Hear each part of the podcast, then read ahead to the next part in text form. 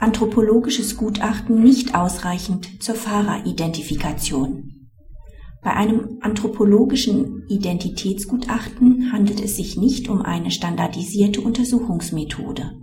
Das Gericht muss zur Feststellung der Identität weitergehende Feststellungen treffen.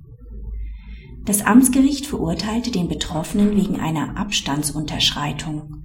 Eine Einlassung in der Hauptverhandlung erfolgte nicht.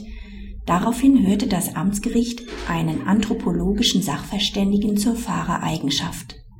Aufgrund der Ausführungen des Sachverständigen hatte das Amtsgericht den Betroffenen als Fahrer angesehen.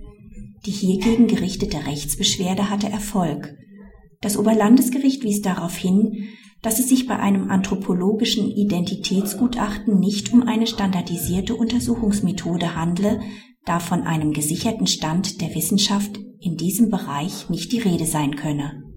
Daher müsse das Amtsgericht um dem Rechtsbeschwerdegericht die Überprüfung der gedanklichen Schlüssigkeit des Gutachtens und seines Beweiswerts zu ermöglichen, über die Aufzählung der mit den Fotos übereinstimmenden morphologischen Merkmalsprägungen des Betroffenen hinausgehende Angaben machen.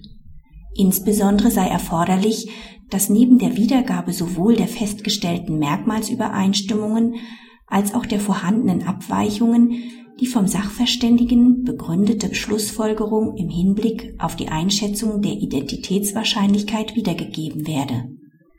Insbesondere dann, wenn das Foto mindere Qualität aufweist, stelle selbst eine vom Sachverständigen festgestellte hohe Identitätswahrscheinlichkeit keine ausreichende Grundlage für eine Verurteilung dar. Vor dem Hintergrund, dass die Beweiskraft eines anthropologischen Gutachtens mit großen Unsicherheiten behaftet ist, sei die zusätzliche Feststellung erforderlich, dass der Betroffene entweder Halter des PKWs sei oder in einer solchen Beziehung zum Halter des PKWs stehe, dass ein Zugriff auf den PKW zur fraglichen Zeit nicht auszuschließen sei. Praxishinweis Hinsichtlich anthropologischer Gutachten wird in der Rechtsprechung überwiegend verlangt, dass der Richter darlegen muss, auf welches biostatische Vergleichsmaterial sich die vom Sachverständigen vorgenommene Wahrscheinlichkeitsberechnung stützt.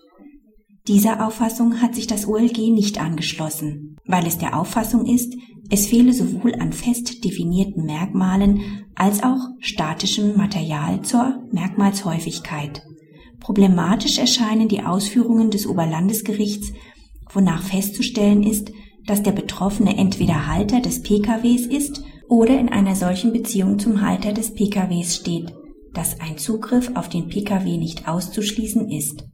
Der Umstand, dass der Betroffene Halter des Fahrzeugs ist, besagt im Hinblick auf seine Täterschaft wenig. Fahrzeuge werden verliehen oder sind nicht selten nur aus versicherungstechnischen Gründen auf eine bestimmte Person zugelassen. Daher ist auch anerkannt, dass aus der Haltereigenschaft auch bei einer privaten Nutzung des PKWs nicht ohne weiteres der Schluss gezogen werden kann, dass der Halter auch der Täter ist